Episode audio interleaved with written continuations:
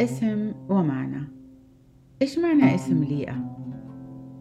اسم ليئة اسم عبري ومعناه تعب أو ضعف وقد يعني اسمها بعد بقرة وحشية. وهي تصير بنت لابان الكبيرة. أبوها زوجها يعقوب بعد ما خدمه سبع سنوات عشان يطلع مهر لراحيل ويتزوجها. بس لابان نكبة وعطى ليئة بنت الكبيرة. وليئة جابت ليعقوب ستة أولاد راؤوبين وشمعون ولاوي ويهوذا ويساكر وزبلون.